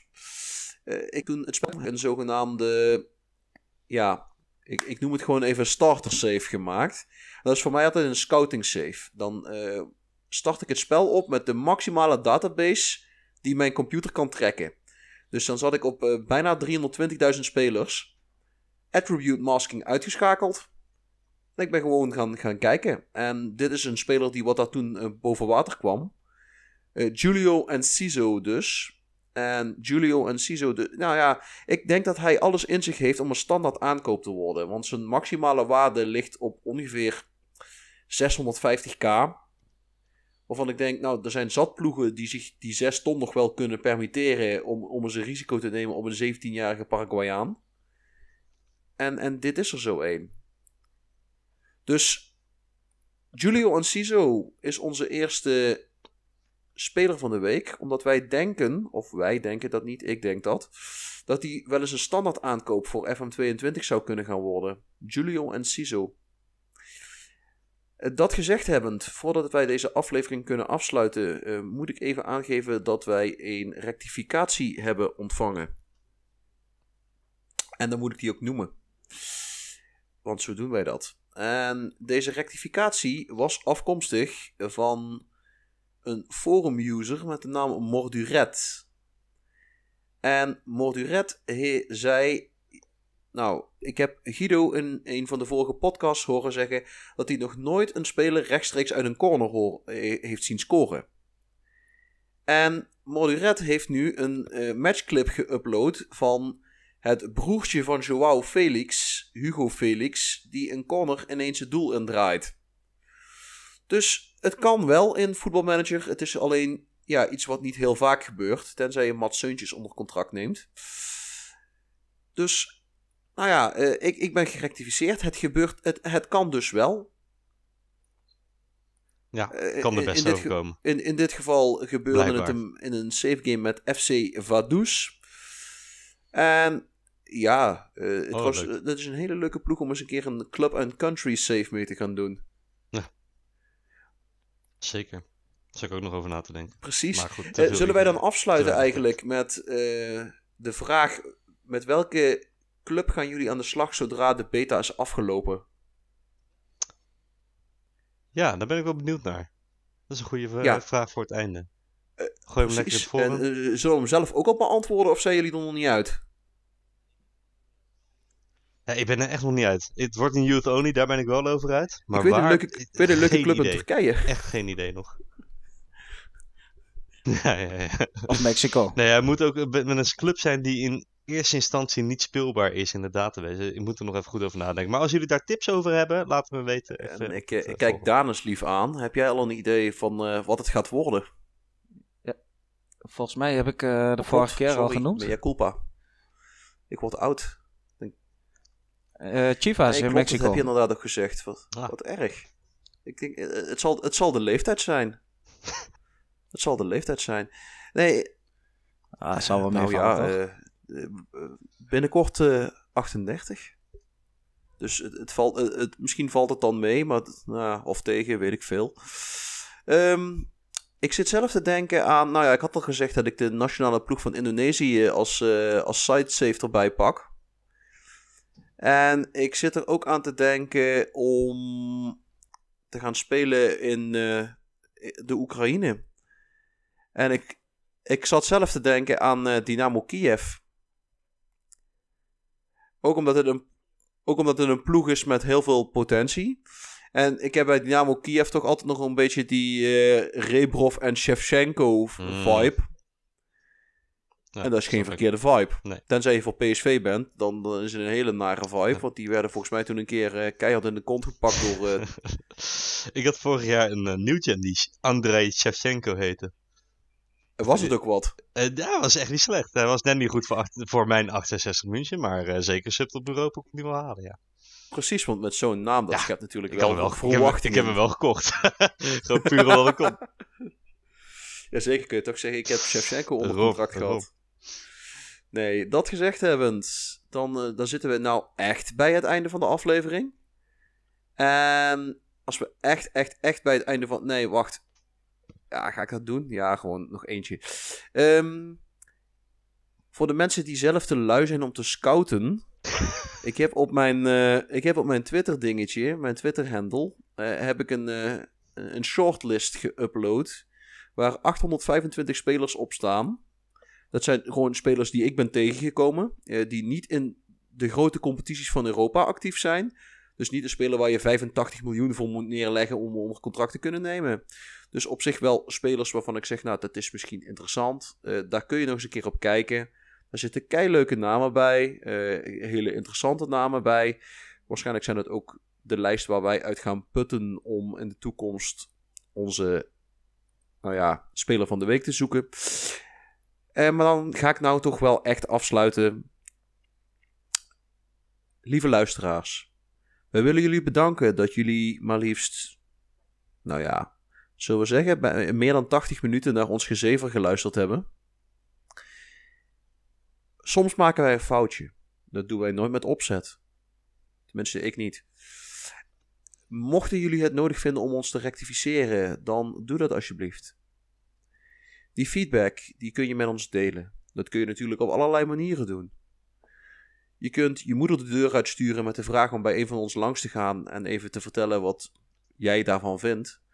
Maar wat makkelijker is, is dat je ons een mailtje stuurt op podcast.manunited.nl of, of, of, of, of je komt onze DM's binnen op Twitter met de gratie van Steven Berghuis in zijn debuutseizoen bij Ajax.